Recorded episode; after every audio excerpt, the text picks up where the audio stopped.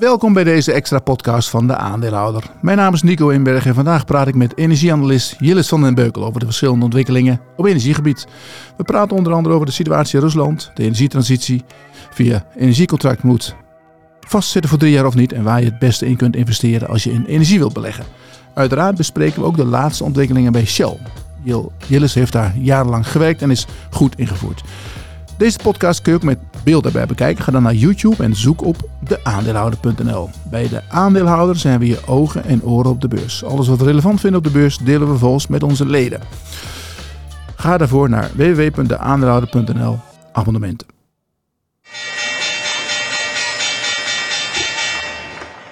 Goedemiddag, ja, daar zijn we. Welkom bij deze extra podcast van De Aandeelhouder. En vandaag hebben we de gast mijn goede vriend Jillis van den Beugel. Jillis, welkom. Energie-expert. Je krijgt het eindelijk een beetje rustiger, hè? want de afgelopen twee jaar was een gekhuis natuurlijk met olie en gas en wat er allemaal gebeurde. Ehm, eh, hoe is het nu? Het, val je in een, in een leeg gat of zeggen van nou... Nee, maar het is wel mooi dat het wat uh, rustiger is. Ik ben voor mijn gevoel voor het eerst uh, sinds twee jaar een beetje bij.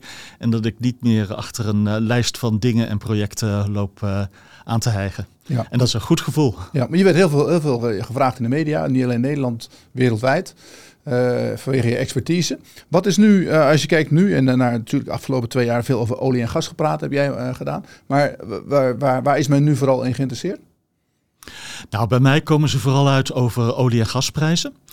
Ja. toch ook van ja, we zien niet meer de extreme prijzen van vorig jaar, 2022. Maar het is ook niet de normale wereld zonder Russisch gas ja, Russische olie blijkt uh, te lukken om de wereldmarkt uh, te bereiken. Maar toch, uh, ja, daar komen ze meestal voor.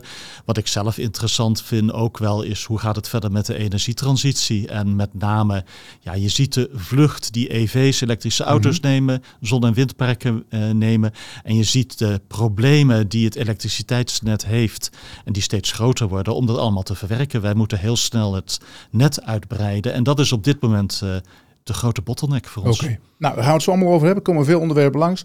Olie, gas natuurlijk. We gaan praten over Shell, waar jij, uh, ja, ik moet het erbij zeggen, daar heb je gewerkt. ja hoor, daar ja, kom, je daar nooit kom ik uh, niet vanaf. Daar kom je nee. nooit meer vanaf. Je blijft een Shell-mannetje, Jillis. Ja, ja. Maar uh, dat maakt niet uit. Tot aan het graf. tot aan het graf. Um, even Misschien over waterstof. Uh, EV gaan we natuurlijk over hebben. Maar laten we beginnen met Rusland. Uh, Jillis, afgelopen weekend. Uh, ja, het leek even dat, het, dat daar wat aan de hand was. Uiteindelijk was er niks aan de hand. Stel nou, hè, want, want we zijn bezig met ons, ons zeg maar onafhankelijk te maken van Russisch gas.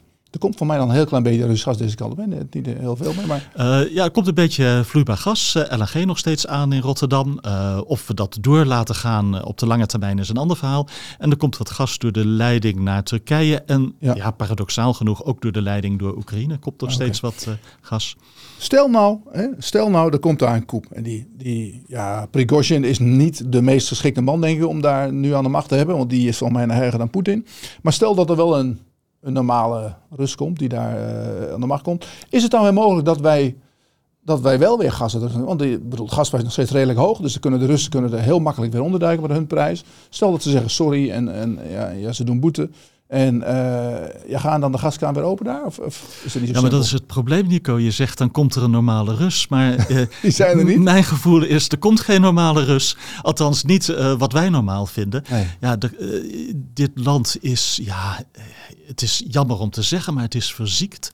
Het systeem is verziekt. De, de, de kliek die daar aan de macht komt, ja, er komt een opvolger, maar dat kan ja, een persoon zijn die er dezelfde normen als Poetin uh, op nahoudt, niet te vertrouwen. En ja, het is in wezen een beetje een maffiastaat geworden.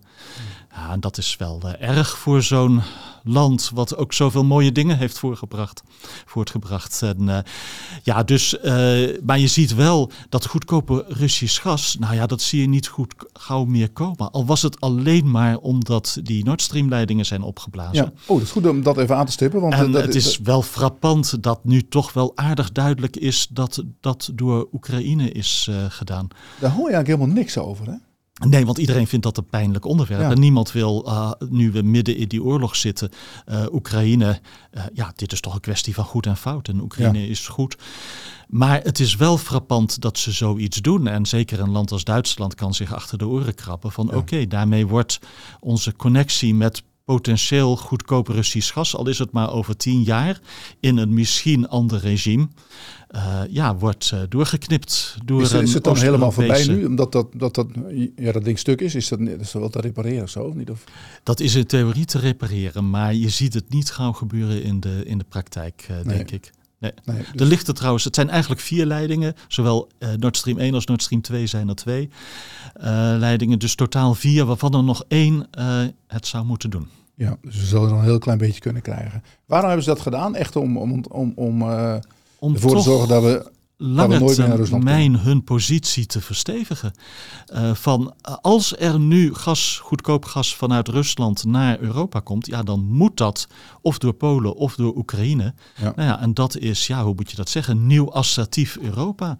Wat, wat ja, toch harder met de vuist op tafel slaat. Uh, en ja, daar kan West-Europa wel een beetje over na gaan denken. Dat er toch een stukje macht verschuift van West naar Oost-Europa. Van wie was die pijpleiding eigenlijk? Die was voor de helft van uh, Gazprom, althans Nord Stream 2. Ja? Uh, die was voor de helft van Gazprom en voor de helft niet officieel qua eigendom, geloof ik, maar wel qua financiering van uh, vijf Noordwest-Europese bedrijven. uit mijn hoofd Shell in ieder geval. Ik dacht ook Wintershell, EMV. Okay. nou ja, nou zijn ja. we nog niet bij vijf, maar laten we het daar even bij laten. aantal Europese bedrijven die hebben ja, die er dus elk behoorlijk op dus hebben moet, afgeschreven. Dan moet, dan moet Shell nog een behoorlijk af. Die hebben ze al afgeschreven, neem ik aan. Ja, hebben ze. Okay, goed zo. Uh, ja, rebellen, hè, die... Uh, Prigozhin is een rebel. Je, je, je, had zelf ook een beetje te maken met rebellen afgelopen week. Ik hoorde je op de radio met Extinction Rebellion. Ah, ja, ja. En, ja. Uh, ja, dat, uh, nou ja, dat is iets wat we niet te vaak uh, moeten doen, uh, denk ik, Nico. want je krijgt daarna heel veel shit op sociale media over je heen van hun, hun fanclub. Ja. Dus ik hoor ook van de andere energie-experts, niemand heeft nog zin om met ze aan tafel nee. te zitten als het op die manier moet. Nou, misschien ja. goed om even uit te leggen. Jelle zat afgelopen week bij het programma Dit is de Dag. ja, wat op zich een leuk programma is hoor. Van, ja. van Thijs van der Brink en daar was iemand van Extinction, Extinction Rebellion, zo'n zo'n gelovig meisje en die moest met jou in discussie. Nou, mevrouw, laat ik zeggen, die moest met jou in discussie, maar ze zat. Ik, ik, heb, het, ik heb het nageluisterd en het was ook objectief gezien. Ze zat gewoon iedere keer te lachen als jij wat zei was helemaal niet... niet uh, ja, ik moet eerlijk zeggen, het was ook niet uh, mijn uh, beste discussie. Want je schiet dan in een modus dat iedereen zijn ja. eigen frame herhaalt. En ja. dat is niet de leukste en ook niet de beste discussie. Maar het is voor mij vooral, nou ja, alles wat je op sociale media van kwijlend achter de rollator toch snel terug naar de geraniums en zo. Dat soort dingen. Wat ja, je, ja dat was, was heel flauw. Wat, wat, wat ik er wel, want ja, daar ben ik er wel benieuwd naar. Jullie hadden onder andere een discussie, omdat Extinction Rebellion zegt van de regering geeft heel veel subsidie aan de fossiele industrie. En dan hadden ze het over 14 miljard. Nou, jij zei van, nou, ja, de, de, regering zelf... Naar zegt, 30 miljard ondertussen de schatting. Ja, de regering ja. zegt zelf, van, het is misschien rond, rond de 4,5 miljard, maar het is geen subsidie. Hè. Het, hoe moet je dat bedrag dan wel inschatten? Want het, dit, het is wel zo dat er bepaalde belastingkortingen zijn voor ja. bedrijven in die sector. Hoe zit het dan precies in elkaar? Uh, dat uh, het verschilt wat het allemaal inhoudt. Uh, dat fossiele subsidie de term de indruk geeft van nou, dat is een directe geldstroom om fossiel te stimuleren en het gebruik daarvan. Dat is het niet. Uh, het is gewoon een mix van dingen van uh, vooral lagere belastingtarieven voor grootverbruikers. Met als achtergrond, nou ja, anders verdwijnt sommige industrie heel snel uit Nederland. Ja. Als ze dat uh, ja. niet zouden hebben. Maar Welke bedrijven hebben we het dan over? Weet het, uh, dat alles wat energie-intensief is. Of ja. het nou staal of okay. aluminium is of uh, petrochemie. en laten we wel zijn, er is ook afgelopen jaren heel weinig in, in Nederland geïnvesteerd op dat gebied. Dat investeert veel eerder in de VS, waar je blijvend lage energieprijzen hebt. En maar er zitten ook dingen bij waarvan je wel van af wilt. Dus uh, geen of weinig belasting op, uh, op scheepvaartbrandstoffen of kerosine. Dat is iets wat Nederland niet in, in zijn eentje kan oplossen. Nee. Maar wel iets is waar je graag zo snel mogelijk van af wilt. En het is eigenlijk veel vruchtbaarder om te kijken van nou, is de beprijzing van fossiel in lijn met de klimaat- en milieuschade die het aanricht? Uh, in plaats van over subsidies te gaan uh, spreken. Ja. En kijken van soms kunnen er redenen zijn om de ene gebruiker meer te belasten dan de andere gebruiker. Ja. Als we het hebben over bijvoorbeeld de luchtvaart, hè, kerosine, ik weet niet hoeveel belasting erop zit, maar niet heel nou, veel. lange tijd dus... uh, geen en nu is er een vliegbelasting, maar ja. nog geen uh, kerosinebelasting nee, voor zover dus, ik dus, weet. En dat is iets wat je gewoon wilt, uh, wilt invoeren. Ja. Oké, dus daar zou wel, wel iets, iets kunnen gebeuren. Maar goed, dan, dan maken ze in principe ja, vliegen. Dus het is ook niet zo'n zwart-wit discussie. Uh, maar ja, fossiele subsidies is het speerpunt van Extinction Rebellion uh, geworden. En daar zijn ze heel, uh, heel fel op. En in ja. discussie is heel veel toegestaan. Oké, nou goed. Laten we het er verder niet over hebben. Um, het is wat het is. Um, nog heel even terug naar Rusland. Hè, want uh, we hebben het natuurlijk over die olie- en gasprijzen van de afgelopen jaren heel veel gehad. Die zijn behoorlijk afgekomen inmiddels. Olie ligt nu rond de 70, 75. Gasprijs ja. wel, wel weer opgelopen, maar het zit nu rond de 35, volgens mij 33. In, in hoeverre, want ik zag een staatje, ik weet niet of ik dat uit een artikel van jou had, dat die Russen toch wel steeds minder inkomsten hebben nu uit olie en gas. Uh, in hoeverre komen zij in moeilijkheden hiermee? Nou, op de lange termijn komen ze echt in moeilijkheden. Kijk, op de korte termijn zie je dat hun inkomsten nou weer terug liggen op het niveau van 2019 voor okay. de crisis Oekraïne ja. en, en COVID uh, en zo. Uh, je ziet, nou ja, die prijzen waren opgelopen. Dat was toch de bezorgdheid dat bijvoorbeeld Russische olie uh, de weg niet zou vinden naar uh, mm -hmm. de wereldmarkt. Nou, hij vindt niet meer de weg naar Europa, maar, of althans in veel beperktere mate, maar die olie komt wel op de wereldmarkt terecht. Ja. dus een land als India, dat deed tot voor twee jaar uit mijn hoofd 100.000 barrels per dag aan Russische olie-import.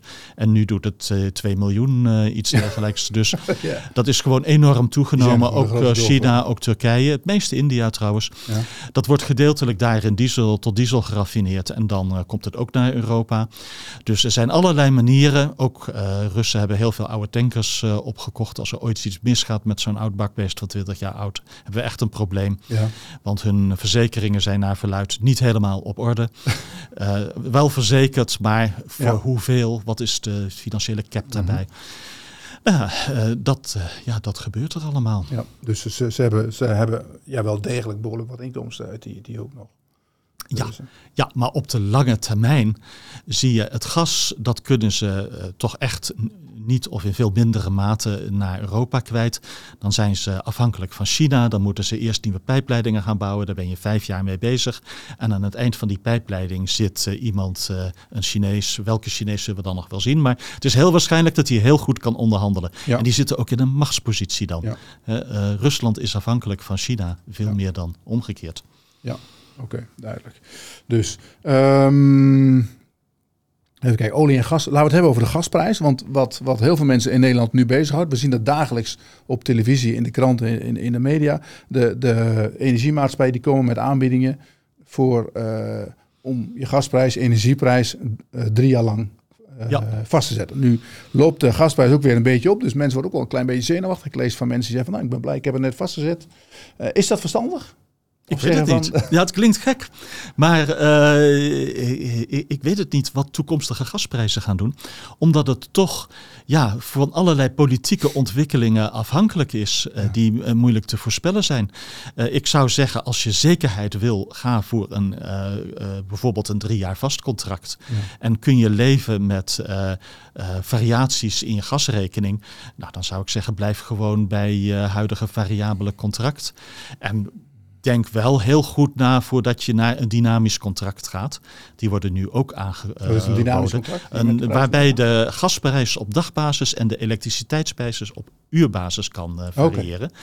Okay. Uh, en dat is leuk als je uh, ja, per dag 24 uur met elektriciteit of gas bezig wilt zijn. Ja. Maar anders toch niet. Tenzij je dat kunt automatiseren in een app.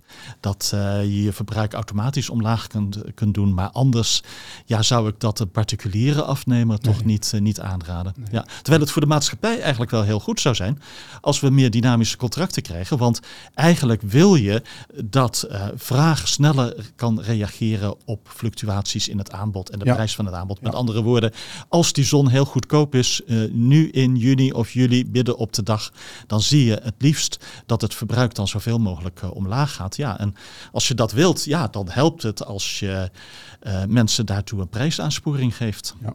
Ja, net zoals uh, ze vroeger zeiden van dat, dat, je op maandag de was moest doen. Of nu is dat volgens mij in het weekend. Ja, in het weekend en s'avonds na 11 uur volgens mij. Heb je goedkopere stroom, dalstroom.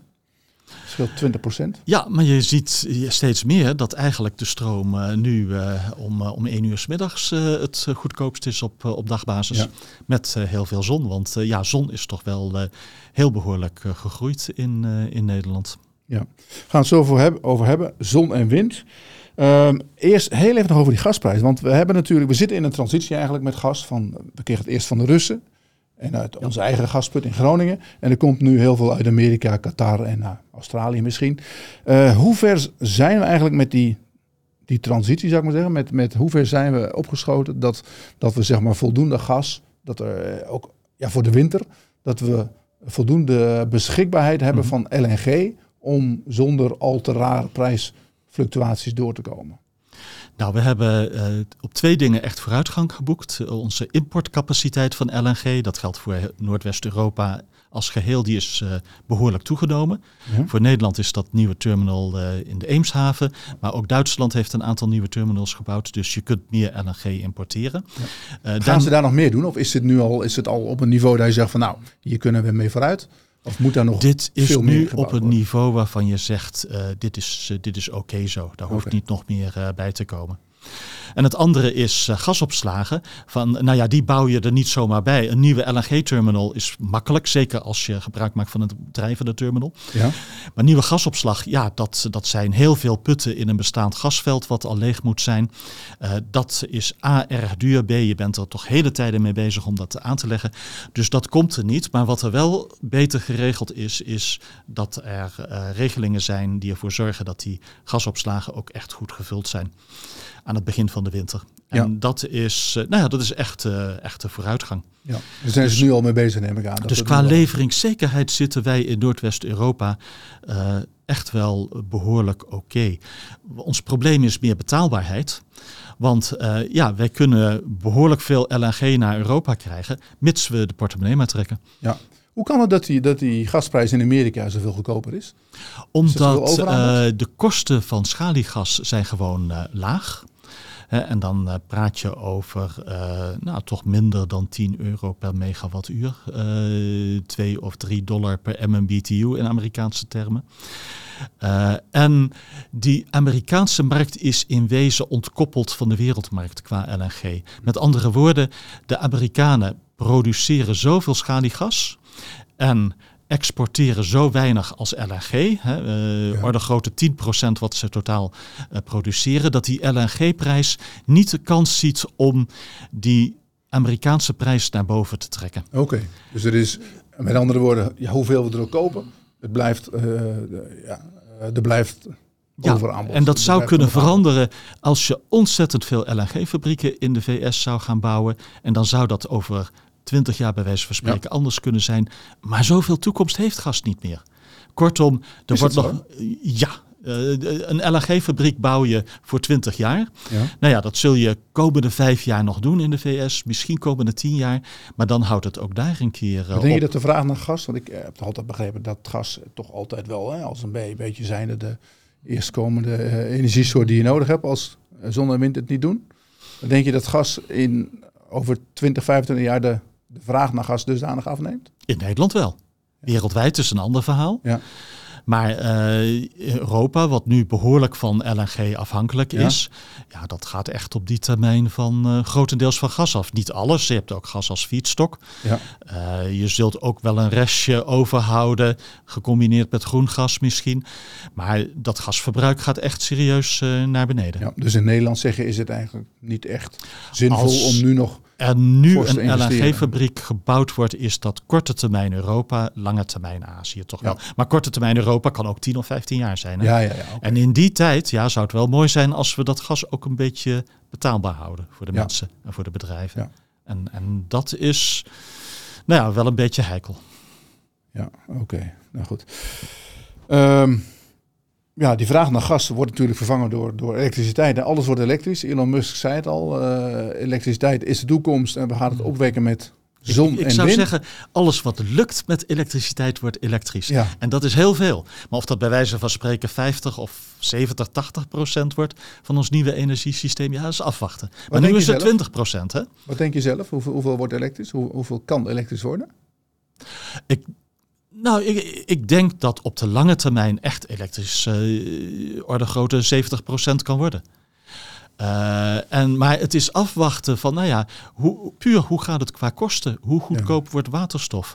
Maar eigenlijk alles wat je met elektriciteit kunt doen, een beetje economisch, niet al te duur, uh, dat ga je met elektronen doen. En de moleculen, zegt de waterstof, ja, dat is puur voor die dingen die niet goed lukken met elektriciteit. Ja.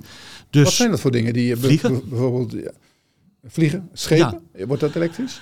Uh, de veerboten wel. Uh, korte afstand misschien, maar de lange afstand, uh, een container van Hongkong naar Rotterdam varen, dat, dat niet. Aan de andere kant, dat gaat misschien die... met een trein gebeuren.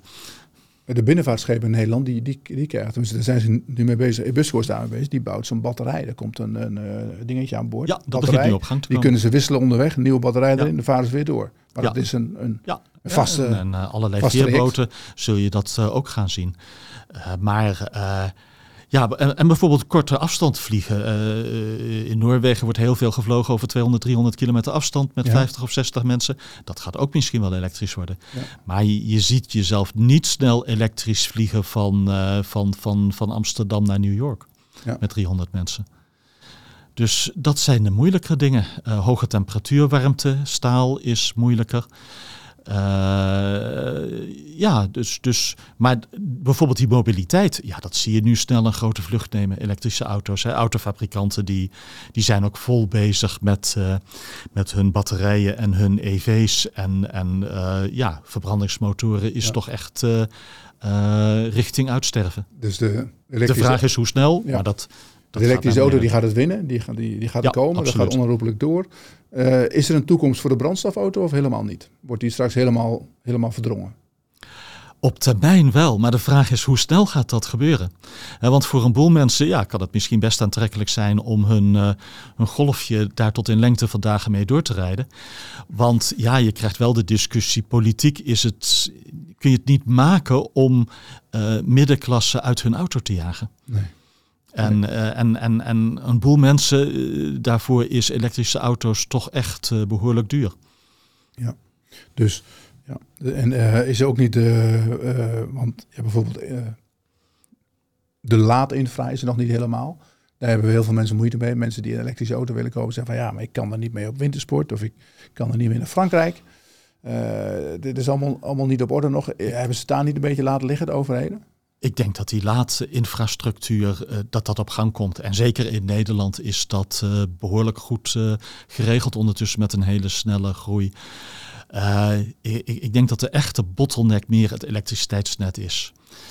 omdat al die nieuwe dingen die we op elektriciteit doen, of dat nou laden van EV's is of bedrijven, om te zorgen dat ons elektriciteitsnet dat bijhoudt. Mm -hmm. En dat is ja, een kwestie van uh, meer mensen, gewoon MBO'ers, meer uh, en snellere procedures. Okay. Alles duurt in Europa en zeker in Nederland gewoon uh, heel erg lang. Ja. Zijn er landen waar ze dat wel al op orde hebben? Of, of ja, zijn wij daar? Want hier, nou, je ziet in ieder geval landen waar dingen zijn. sneller kunnen. Uh, uh, dat is een van de problemen in Europa. In China gaan dingen structureel sneller. Of het nou een hoge snelheidstrein ja. is, of een kerncentrale. Ja, maar of een je nieuw, door aan de kant. dat kan hier niet. Ja, dus je moet een afweging maken tussen zorgvuldigheid en snelheid. Ja. En, uh, maar ja, dat is een heel persoonlijke mening hoor. Als ik dat uh, bij ambtenaren zeg, dan, dan uh, schudden ze hun hoofd. Ja. Maar ik zeg wel, misschien moeten we ietsje minder zorgvuldig zijn. Ja. Maar voor, vooralsnog valt dat in Nederland buiten de beleidsrealiteit. Jillis, wij kunnen in Nederland niks meer doen, want er is altijd wel iemand bezwaar. Ik heb al gezegd, we moeten het IJsselmeer dichtgooien. Ja, uiteindelijk maar... kunnen we wel wat doen, maar wij moeten nadenken van hoe kunnen we een beter nou ja, toch dingen sneller doen. Want uh, dat is nodig als we ook maar in de buurt willen komen van onze doelstellingen. Ja. ja. Maar je, je, je, jij bent er zelf wel van overtuigd dat zonne-energie en windenergie, uh, ja, dat wordt de toekomst.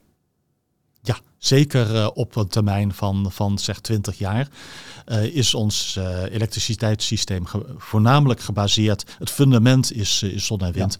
Ja. En dan wereldwijd is dat meer zon. En voor Nederland. Hm ja, speciale positie, uh, Noordzee, ondiep water, het waait goed, ja. is, het, uh, is het wind. Wat er echt de grote vlucht gaat nemen in Nederland is ja. de offshore wind. Is, Is dat uh, complementair aan elkaar? Ik bedoel, kan de een niet zonder de ander? Heb je, hebben, hebben wij zon en wind allebei nodig? Het is altijd leuk als je een beetje diversificeert. Dus als je niet al je eieren in één mandje legt. Ja. Dus uh, beter zon en wind dan alleen maar wind. Maar beter ook ja, toch iets aan, aan, aan, aan kernenergie, aan opslag, aan flexibele vraag, aan batterijen. Uh, dat is de andere uitdaging, de backup voor zon en wind. hoe we dat gaan invullen. Kijk, die zon en wind is uitgekristalliseerd. Dat dat een grote vlucht gaat nemen. Ja. Uh, hoe we die backup gaan doen, in hoeverre dat waterstof. Wat bedoel je met de backup? Met, met nou ja, als, het, opslag, als de zon niet schijnt en de wind niet waait oh en dat duurt twee weken. Hoe we dat gaan, uh, hoe we dat gaan doorkomen. Ja. Dat eigenlijk vooral de seizoen, op seizoensbasis, maar vooral ook op ja, donkerflauten, zoals het op zijn uh, Duits heet, basis. Ja, en je wilt ook op korte termijn, op uur- en op dagbasis ja. een, een, een backup hebben. Maar wat zou daarvoor een oplossing zijn? Een mix van meer invloed van prijzen op de vraag. Wat dat betreft zijn die dynamische contracten maatschappelijk gezien eigenlijk heel goed. Uh, meer batterijen, misschien compressed air, meer waterstof, meer waterstofopslag. Dus eigenlijk een, een, een, een heel scala aan dingen. En we weten, ja, we moeten gewoon afwachten hoe zijn prijsontwikkelingen? Hoe komen de prijzen voor waterstof? Hoe gaan die zich ontwikkelen komende 10, 20, 30 jaar? Nou, dat zal toch bepalen uh, hoe groot de rol is van de verschillende opties die we nu uh, hebben is, nu we het toch over hebben, waterstof. Hè, is dat, daar hoor je eigenlijk niet zo heel veel meer over. Ik zag in de, de rapportage van Shell dat die, er, die zijn er nog wel mee bezig. Ja, ja je, je, hoort er ook best wel van. Er zijn heel veel ambities. Ja. Uh, ook politieke ambities wel van de EU. Uh, eh, andere mensen zeggen weer het is een hype. Nou ja, ik zit er een beetje tussenin. Ik denk dat veel zal afhangen van waar gaan de kosten van electrolyzers heen wordt dat net zo'n succesverhaal als, als, als zon en wind? Je bouwt er heel veel, dan mhm. worden ze goedkoper, dan wordt het aantrekkelijker. Ja. of komt dat niet over de hobbel heen en het, uh, en het dode punt? En ja, het is ook afwachten van hoeveel gaan we lokaal doen op de Noordzee uit wind en hoeveel gaan we importeren. Ik zie dat zoals er nu met LNG over de wereld uh, gevaren wordt, zie ik met waterstof niet snel gebeuren. Nee? Maar je ziet wel, dan zie ik meer mogelijkheden voor bijvoorbeeld leg Zuid-Spanje vol met zonnecellen. Ja. Uh, en uh, vervoer dat per pijpleiding naar het, industriële, het industriële Noordwest-Europa. Ja. want als je dat met een pijpleiding kunt doen, is dat wel zo mooi. Simpelweg dus uh, ja, toch een stuk goedkoper. Ja. En als je per schip gaat vervoeren, ja, dan waarschijnlijk via de tussenweg van uh, ammoniak of uh, LOCH's, liquid organic. Ja. dus zit dat met ammoniak? Want ik, ik, heb, ik heb er wat over gelezen van OCI. OCI die, zijn, die is er ook, ook ja, druk mee bezig. Die maken de kunstmest, maar die zijn ook met ammoniak bezig. Ja, nou, je, dus dan moet je waterstof omzetten in ammoniak en dan ja. kan je het vervoeren?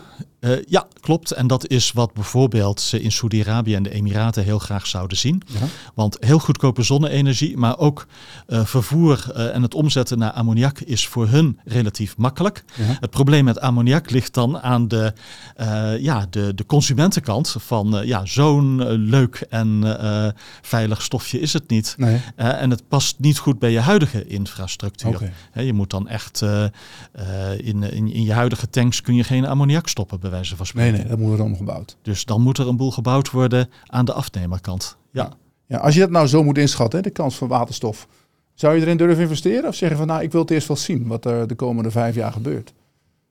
Op dat gebied. Goede vraag, daar heb ik niet zo over nagedacht. Uh, ik, ik, ik zou me comfortabeler voelen om te investeren in de dingen waarvan ik het idee heb, die zijn wat meer uitgekristalliseerd met wat minder onzekerheden. Ja. Uh, dus ik zou eerder geneigd zijn om iets in mijnbouw te doen voor materialen die we nodig hebben met de energietransitie, of dat nou koper is of kobalt of mhm. lithium, dan in de dingen die meer onzeker zijn, zoals waterstof. Oké. Maar omgekeerd, ja, als uh, iedereen het onzeker vindt en een beetje eng, dan, is, dan kan het heel goed uitpakken, misschien, uh, ja. who knows. Ja, oké.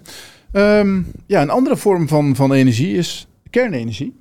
En daar wordt ook veel over uh, gezegd en geschreven. Ik las nu dat Zweden nu toch ook uh, uh, een beetje over de, over de zijn standpunt heeft bijgedraaid. Dat zij nu mm -hmm. ook misschien met kernenergie bezig willen. Uh, hoe zit dat in Europa? Heeft dat een kans of is het alleen de Fransen die dit gaan doen? Uh, Zweden heeft al heel lang uh, kernenergie. Mhm. die hebben lang een elektriciteitssysteem gehad wat voor de helft kernenergie was, voor de andere helft waterkracht. Ja. Noorwegen is helemaal waterkracht bijvoorbeeld. Ja. die landen hebben het voordeel van heel veel potentieel voor waterkracht. Maar je ziet, kernenergie is in ieder geval weer een serieuze optie geworden. Is niet meer het taboe wat het 10, 20 jaar geleden was. Ja, dat is een goede ontwikkeling, denk ik. Maar dat betekent niet dat kernenergie ook is. Het heeft echt een, uh, een kostenprobleem. Althans, dat is de ervaring van de laatste 10, 20 jaar. Er zijn weinig centrales gebouwd. Wat er gebouwd is, was uh, financieel pakte niet echt goed uit. Mhm. Met andere woorden, ook daar geldt, kun je er zoveel van gaan bouwen. Misschien op een andere manier, hè? misschien meer fabrieksmatig en dat je zo weinig mogelijk op locatie doet. Hè? Dat is het idee met modulaire kerncentrales. Dat je over dat dode punt heen komt. Ja. Eh, en andere, de, andere delen van de wereld doen het wel, hè? Eh, Azië bijvoorbeeld? Ja, je ziet uh, China en uh, Korea kerncentrales bouwen voor ja, toch minder dan de helft van de prijs die het kost om het hier, op dit moment althans, in, in zeg Frankrijk te doen. Ja, oké. En ehm, ehm, Duitsland, die komt niet meer terug bij kernenergie? Om een of andere reden hebben de Duitsers een probleem met kernenergie. En ja, maar laten we ook zeggen, een boel mensen in Nederland hebben dat ook. En ja. in wezen vind ik dat jammer. Ik ben een fan van kernenergie, maar ik, eh, niet in die mate dat ik het kostenprobleem niet zie. En, eh, en het acceptatieprobleem bij anderen. Maar eh, ja, je noemde Zweden. Nou ja, als er één plek is waar je heel goed kernafval kunt opslaan, is het in landen als Finland of Zweden. In stabiel graniet, wat er al 1 of 2 miljard jaar ligt.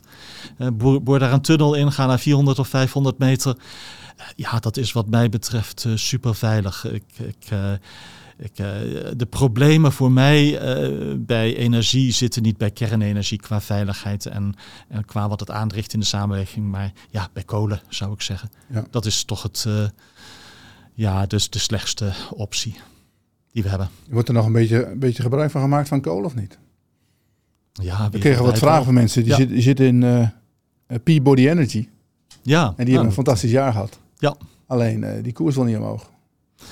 Nou, ze hebben wel een boel winst gemaakt volgens mij. Eh, in kolen is heel veel verdiend. Ik uh, zag dat het grote mijnbouwconglomeraat en ook de handelaar Glencore ja. ontzettend veel verdiend had aan, aan kolen afgelopen jaar in 2022. Ja, en waarom?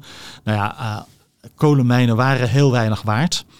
Uh, kolen was uh, heel erg gezakt in prijs. Ja. in 2022, in die hele energiecrisis, zag je dan uh, hoezeer kolen omhoog gingen en hoezeer kolenbedrijven omhoog gingen met de koers.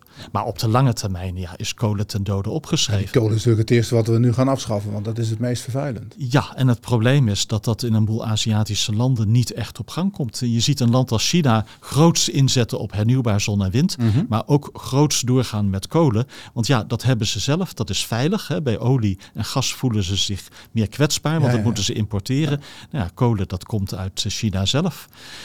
wat ze vooral doen is dan oude vieze kolencentrales vervangen door uh, nieuwe, iets minder vieze. Ja. okay, en dat noemen ze clean coal. Dat scheelt in ieder geval wat. Um, Jillis, we moeten het ook hebben over jouw liefde. Shell, afgelopen week. In New York nog wel. Een, een uh, Capital Markets Day voor een Engels bedrijf. Waarom New York zou je zeggen? Uh, je hebt natuurlijk allemaal gevolgd en gekeken. We hebben er zelf Ik ook heb naar, ook echt gekeken naar, naar de webcast. ja. ja. Wat, wat was jouw je indruk ervan? Van de nieuwe de nieuwe eh, CEO überhaupt? Nou, van de nieuwe CEO heb ik wel een uh, goede indruk. Een uh, no-nonsense figuur, een erg harde werker. Ja, die weet waar hij het over heeft. Uh, en, en ja, toch een, goede track record heeft binnen het bedrijf. Wat doet die anders dan Ben van Beurden? Nou, hij, hij schakelt een beetje terug naar niet te snel van fossiel afscheid nemen. Niet te hoog, snel van stapel lopen met, met new energies. Maar of dat nu werkelijk een verschil is met Ben van Beurden, vraag ik me af. Hij wordt denk ik gedwongen ja, door de omstandigheden, door het spel kaarten dat hem is toegedeeld door zijn aandeelhouders. Toch, ja. Uh, ik denk dat angst voor een overname hoog op de agenda staat uh, bij hem. Ja. Want uh, ja, koers-winstverhouding is de helft van de Amerikaanse concurrenten.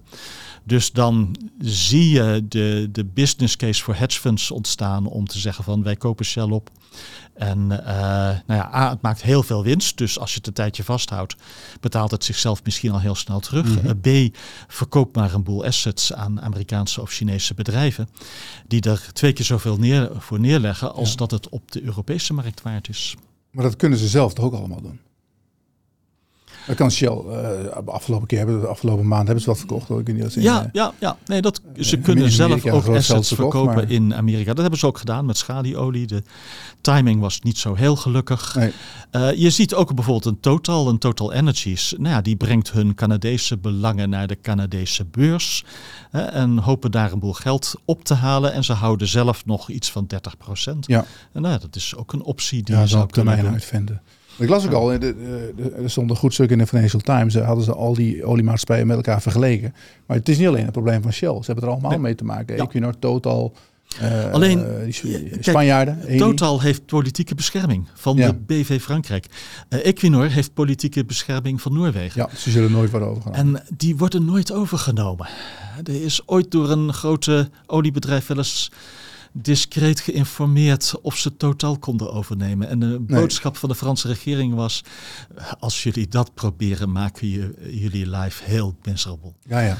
Wat is er zo erg aan als uh, uh, Shell wordt overgenomen? Ondertussen. de aandeelhouders toch niet heel erg vinden als ze de 30, 40% extra krijgen? Nee, ik zou het jammer vinden voor het bedrijf en voor de energietransitie. Want ik mhm. denk dat ze die transitie wel willen maken. De vraag is in hoeverre het wordt toegestaan door hun aandeelhouders. En ik denk dat ze ook wat te bieden hebben qua financiële slagkracht voor windparken, maar ook qua kennis in het bedrijf voor nou ja, aan de molecule Ik denk dat uh, Shell niet beter een windpark kan neerzetten dan Ørsted, maar ik denk dat ze wel beter uh, met waterstof bezig kunnen gaan dan andere bedrijven. En ik denk dat ze ook uh, in CCS een grote bijdrage zouden mhm. kunnen leveren. Ik denk dat ze hun raffinaderijen en petrochemie zouden kunnen hervormen tot veel lagere carbon footprint. En ik hoop dat ze daar de kans toe krijgen in, uh, nou ja, met name in Nederland. Want ja. ja, ze zijn hun hoofdkantoor, hun vestiging is weg uit Nederland, maar uh, zij hebben wel van Nederland een speerpuntland gemaakt voor uh, New Energies. Is er nog wel een beetje een Nederlands bedrijf? Zit er nog wel een Nederlands Ja, er zit ook een behoorlijke... Er zit een, ja, nou precies zoals je het zegt, er zit een Nederlands randje aan. Ja, maar de kern is een wereldwijd bedrijf. Ja. Met wereldwijde aandeelhouders. En daar kunnen ze maar beperkt tegenin gaan. Shell zal de energietransitie doen in het wereldwijde tempo. En voor veel Nederlanders is dat te langzaam. Ja, ja. En, maar het, is, het is natuurlijk wel zo dat wij onze invloed op Shell als, als Nederlandse samenleving, die, die is bijna nihil op dit moment, toch? Nou, ik denk wel dat Shell heeft uh, boel uh, legacy assets in de Rijnmond, uh, raffinaderij, petrochemie. en ze willen van Nederland, nou ja, toch een, een speerpuntland en hopelijk ook een succescase maken voor new energies. Dus in die zin heeft Nederland invloed. Ja. Maar als Nederland alleen maar gaat zeggen van uh, ja, wij subsidiëren bedrijf A wel en bedrijf B, in dit geval Shell niet, omdat jullie uh, in, uh, in Texas zoveel winst maken, ja, dat, dat gaat niet werken, ben ik nee, bang. Nee. Die rechtszaak van Shell hè, in, in Den Haag, de, ja. ja. Heeft dat nog invloed? Of hebben ze daar eigenlijk, ja, kunnen ze daarom te zeggen van ja, we, luisteren, we zijn een Nederlands bedrijf, dus we zijn niet nou, A is het afwachten hoe het hoger beroep afloopt. B met de scope 1, dus simpel gezegd de eigen emissies. Scope 2, simpel gezegd de energie die ze inkopen, emissies 45% minder kunnen ze leven. Mhm. En dat is een kwestie van je operaties netter doen, minder flaren. Dat gaan ze halen, denk je? dat gaan ze halen. Dat willen ze ook halen, waarschijnlijk al eh, ruim voor 2030. Uh, eh, het, uh, voor hun het problematische aspect van het vonnis is de scope 3. Heel simpel gezegd, de consumenten bij verbruik. Die zijn ons verkopen. Dat gaan ze niet halen. Nee, dat kan ook niet. Dat gaan ze niet zo zeggen, maar dat gaan ze niet halen. En dan moeten ze 50% minder verkopen. Ja, en dat, uh, dat, dat, dat gaan ze niet uh, doen. Is dat overal zo dat die bedrijven dan verantwoordelijk zijn voor hetgeen zij verkopen? Dat, dat, wat, ja, wat ja, de consument. Het, dit vonnis in, van de rechtbank in Nederland was uh, toch een, een, een, een first. Ja. Ja, dat dat zo gebeurde. Er, er komt nog een Kijk, je, je, kunt er twee dingen van zeggen. Van A, dat ze een single bedrijf uh, ja, eruit halen uit alle bedrijven. Maar vooral, hoe kun je van een olie- en gasbedrijf verwachten dat ze met de scope 3 45% omlaag gaan. Als olie en gas ook voor een anderhalf graad scenario 10 of 20% omlaag gaat. Hè, 2030 ten opzichte van 2019. Dat, dat is onmogelijk. Ja, nou, het is mogelijk als je de helft van je business verkoopt. Maar het is in wezen absurd. Want ja, je zegt in wezen tegen dat bedrijf, nou ja, ik, eh, laten we het netjes houden, maar eh, je belangen doen er niet toe. Ja, ja. Uh, is het niet een beetje, ja, want dit, is, dit, dit raakt ook een beetje de discussie die je had op de radio met die mevrouw van Extinction Rebellion. Hè? Ze willen in Nederland heel veel doen. We willen in Nederland dat allemaal weg hebben, zeg maar, die zware industrie. Alleen dan, dan gaat het dat geldt ook voor Shell. Als je zegt van oké, je moet daarmee ophouden. Dan gaan ze die velden verkopen. Die gaat naar een Amerikaan of een Chinees. Nou, die zijn er minder zuinig op dan wij, bij wijze van spreken. Dus uh, in, het, in het grote geheel schiet je er niks mee op. Klopt. Ja. Ja, dan zijn er verschillende dingen voor de, voor de velden, maar ook voor de industrie als geheel. Nou ja, en daar werkt de regering nu hard aan om ja, toch een, een soort van industriepolitiek, een mening te, te, te formuleren van waar gaan wij heen? Wat willen wij op de lange termijn nog wel in Nederland doen? Wat willen wij op de lange termijn niet in Nederland uh, doen? Uh, en ook, ja, hoe zijn de omstandigheden dat wij ons aan die nieuwe wereld zo goed mogelijk aanpassen?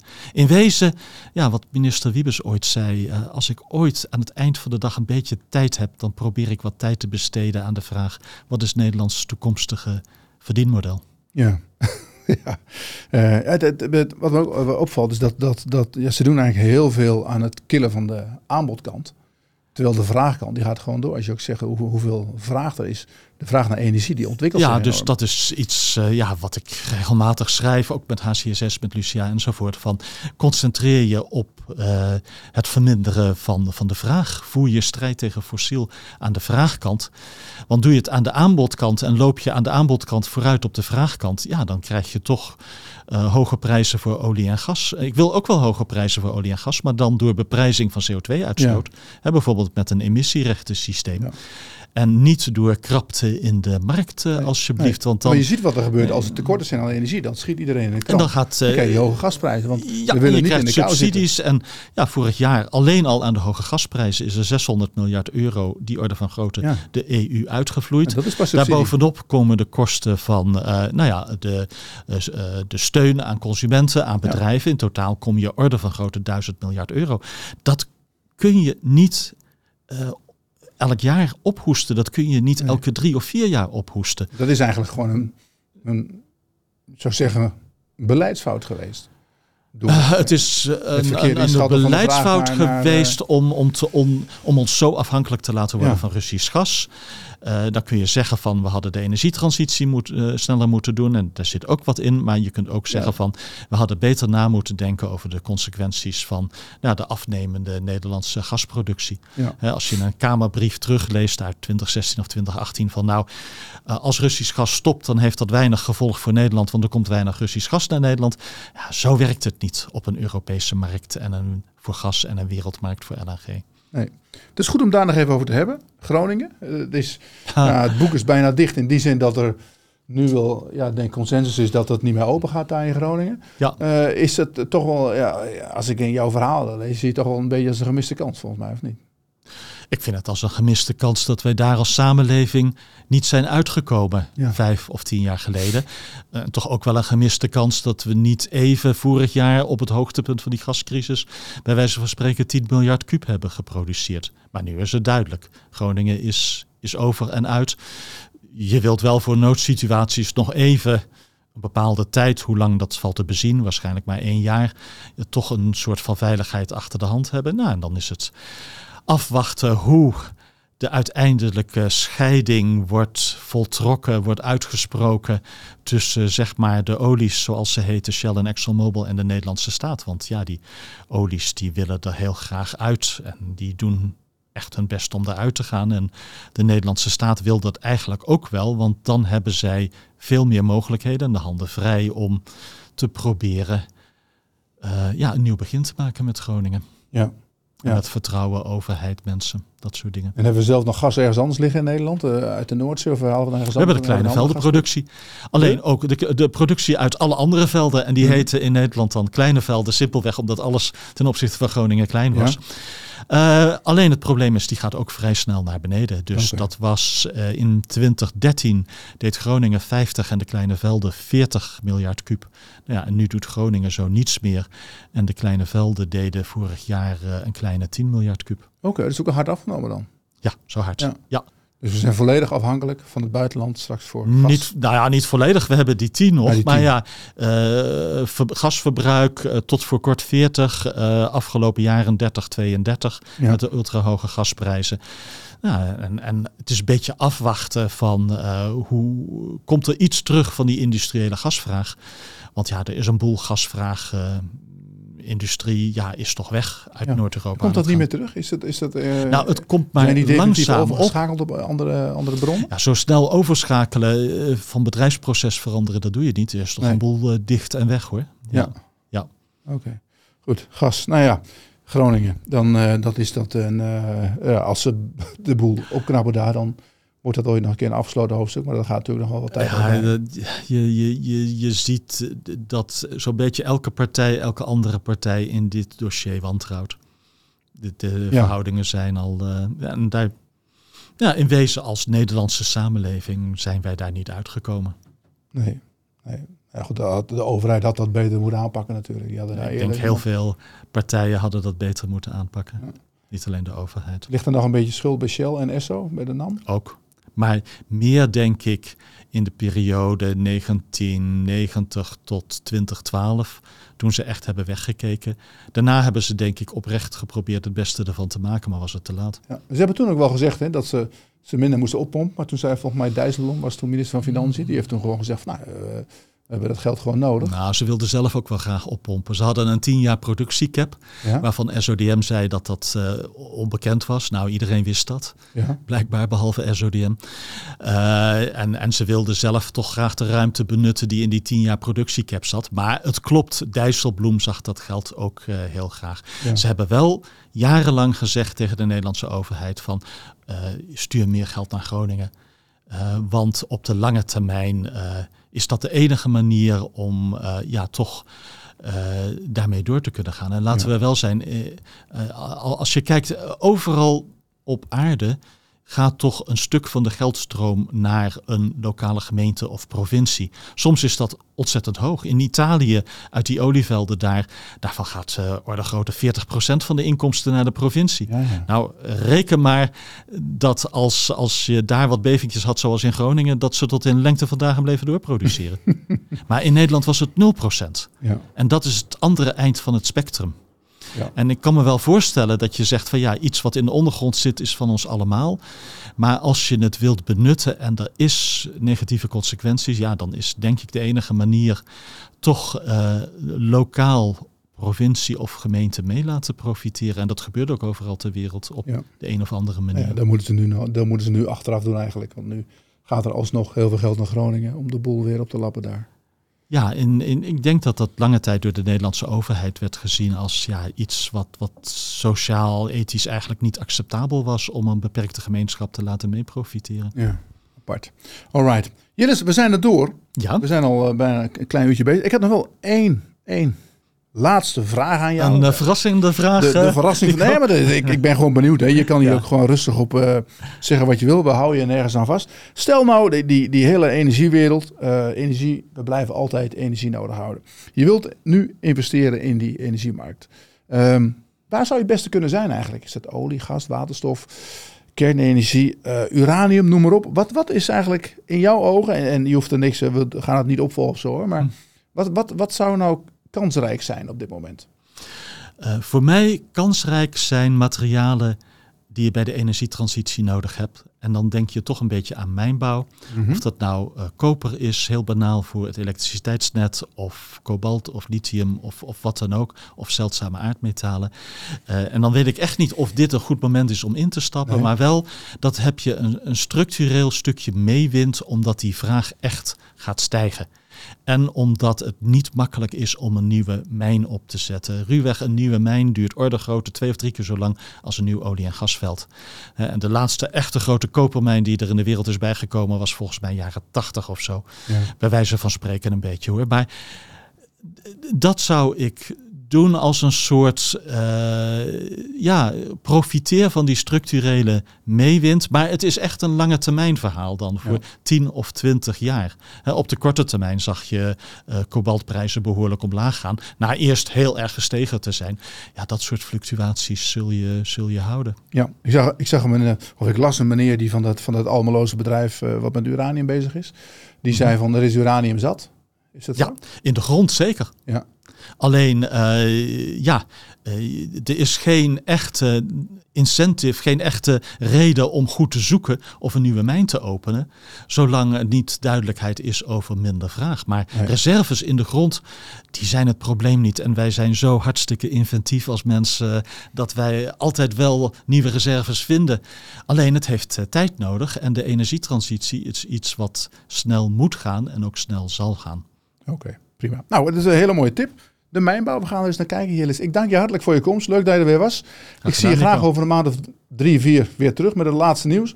Misschien hebben we dan wel een andere machthebber in, het, uh, in Moskou. Wie weet, hè? dat gaan we dan bekijken. Bedankt ja. voor je komst en jullie bedankt voor het kijken. En morgen, overmorgen hebben we onze reguliere podcast. Tot ziens.